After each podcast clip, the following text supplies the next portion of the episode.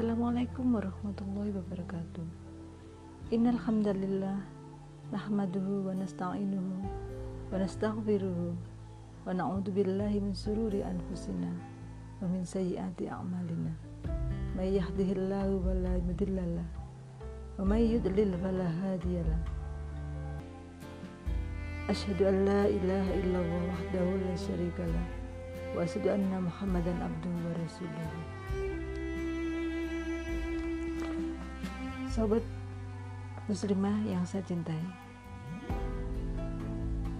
Kali ini saya akan membawakan tema tentang kerusakan di darat dan di laut akibat tangan manusia Setiap individu dari umat Islam dianggap sebagai penyambung tugas Rasulullah Sallallahu Alaihi Wasallam untuk menyampaikan dakwah. Sahabat muslimah, musibah apa pun termasuk yang hari ini terjadi pandemi virus corona yang sudah kita lalui dengan melakukan PSBB dengan menjauhi semua kontak fisik, social distancing dan lain sebagainya yang tetap harus di rumah pakai masker membuat kita seolah-olah dikejutkan dengan suasana yang baru. Tidak lain ini adalah bagian dari kodenya Allah. Ini yang harus kita imani. Sebagaimana dalam Quran surat At-Taubah ayat 51.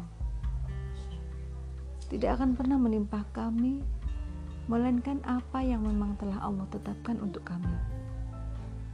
Dialah pelindung kami. Karena itu hanya kepada Allah lah kaum mukmin harus bertawakal. Karena itu dalam menghadapi musibah apa pun yang tak bisa kita tolak, setiap muslim harus bersifat positif. Pertama, dengan selalu bersikap sabar. Kesabaran ini harus terus dipupuk dan dipelihara. Sebab Allah Subhanahu wa taala memang akan menguji sejauh mana kesabaran para hambanya. Orang-orang yang sabar inilah yang kemudian Allah Subhanahu wa taala gembirakan. Gembirakanlah orang-orang yang sabar, yaitu orang-orang yang jika ditimpa musibah, mereka mengucapkan innalillahi wa inna ilaihi raji'un. Mereka itulah yang bakal mendapat keberkahan dan rahmat dari Tuhan mereka. Mereka pula yang bakal mendapat petunjuk. Quran Surat Al-Baqarah ayat 155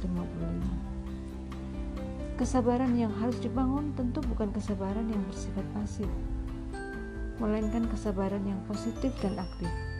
Dengan kata lain, kesabaran itu disertai dengan perenungan untuk menarik pelajaran guna membangun sikap, tindakan, dan aksi ke depan demi membangun kehidupan yang lebih baik di dunia dan di akhirat. Di dalamnya termasuk untuk bisa melakukan mitigasi bencana secara lebih baik.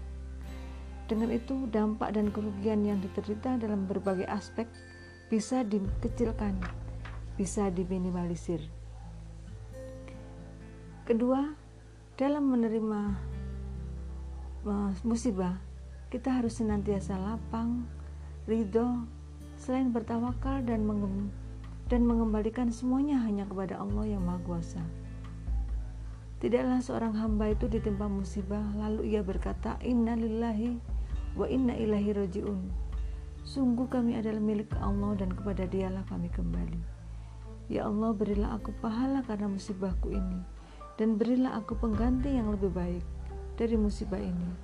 Kecuali Allah memberi dia pahala dan musibahnya dan mengganti musibah itu dengan yang lebih baik untuk dirinya. Hadis riwayat muslim. Sahabat muslim yang tercinta dengan sikap sabar dan ridho musibah yang datang akan mendatangkan banyak hikmah dan kebaikan. Di antaranya adalah musibah bisa menghapus dosa. Tidak, tidaklah seorang mukmin itu tertusuk duri atau lebih dari itu, kecuali dengan izin Allah. Kecuali dengan Allah meninggikan dia satu derajat atau Allah menghapuskan dari dirinya satu dosa. Kedua, melalui bencana Allah Subhanahu wa taala ingin menunjukkan kekuasaannya kepada manusia.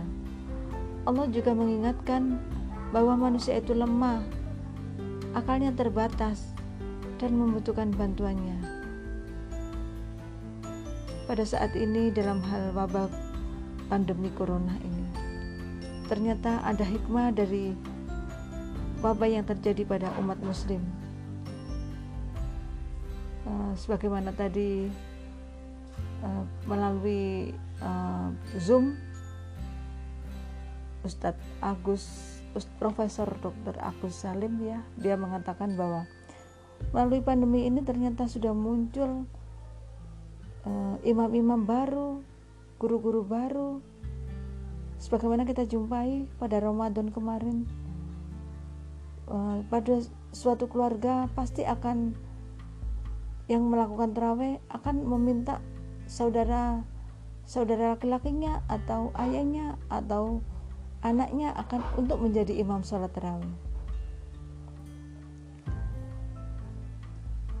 Maka dari itu, tidak semantasnya manusia itu sombong di hadapan kekuasaan Allah. Tak semantasnya manusia itu menyangka telah sanggup menguasai dan mengatur dunia seraya meninggalkan petunjuk Allah yang maha bijaksana dengan meninggalkan syariahnya. Sahabat muslimah, Allah mendatangkan musibah untuk mengingatkan dan mengembalikan keadaan spiritualitas manusia akan azab Allah. Apakah kalian merasa aman dari azab Allah yang berkuasa di langit dan di bumi saat dia menjungkir balikkan bumi bersama kalian?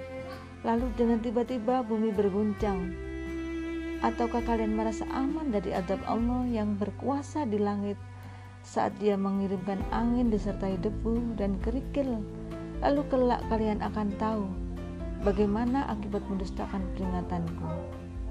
Al-Mulk ayat 16 17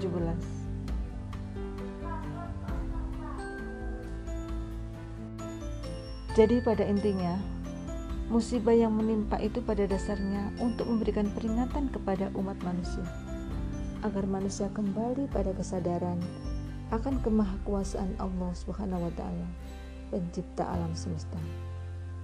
Dengan musibah, manusia juga diharapkan menyadari betapa lemah dirinya dan betapa terbatas kemampuannya. Dengan musibah, manusia juga diharapkan kembali menyadari bahwa sebagai makhluk ciptaan dan hamba dari Al-Khaliq tidak selayaknya bermaksiat kepadanya, menyimpang atau menyalahi peringatannya, mendustakan dan mengabaikan hukum-hukum dan syariahnya. Sahabat muslimah yang tercinta, kesadaran spiritual sebagai efek positif dalam menyikapi musibah haruslah membangkitkan energi penghambaan dan ketaatan kepada Allah. Energi untuk makin meningkatkan ibadah kepada Allah dalam arti yang seluas-luasnya. Wujudnya adalah tunduk dan patuh menjalankan dan menerapkan hukum-hukum dan syariahnya secara total di muka bumi ini. Keterlibatan manusia itu boleh jadi di antaranya berupa perilaku yang memiliki hubungan sebab akibat dengan terjadinya musibah menurut sunatullah. Boleh jadi pula berupa tindakan dan kebijakan yang berakibat pada besarnya dampak musibah atau dalam hal penanganan terhadap bencana yang terjadi saat ini. Karena itu, musibah musibah yang terjadi haruslah menumbuhkan kesadaran dan keberanian untuk meluruskan segala hal yang salah. Keberanian untuk melakukan perbaikan atas berbagai kerusakan yang ada. Serta keberanian untuk mengakhiri dan meninggalkan sistem yang rusak buatan manusia, yakni ideologi dan sistem sekularisme kapitalis lalu mengganti sistem rusak itu dengan ideologi dan sistem yang benar yang telah Allah Subhanahu wa taala Subhanahu wa turunkan. Itulah ideologi dari sistem Islam. Itulah ideologi yang kita rindukan hari ini. Itulah akidah dan syariat Islam yang memang wajib diterapkan di dalam seluruh aspek kehidupan manusia dalam segi sosial, ekonomi, politik, pemerintahan, hukum, peradilan, muamalah, dan lain-lain. Wallahu a'lam bishawab. Saya akhiri sampai di sini terima kasih dan saya ucapkan wabillahi taufik wal hidayah Assalamualaikum warahmatullahi wabarakatuh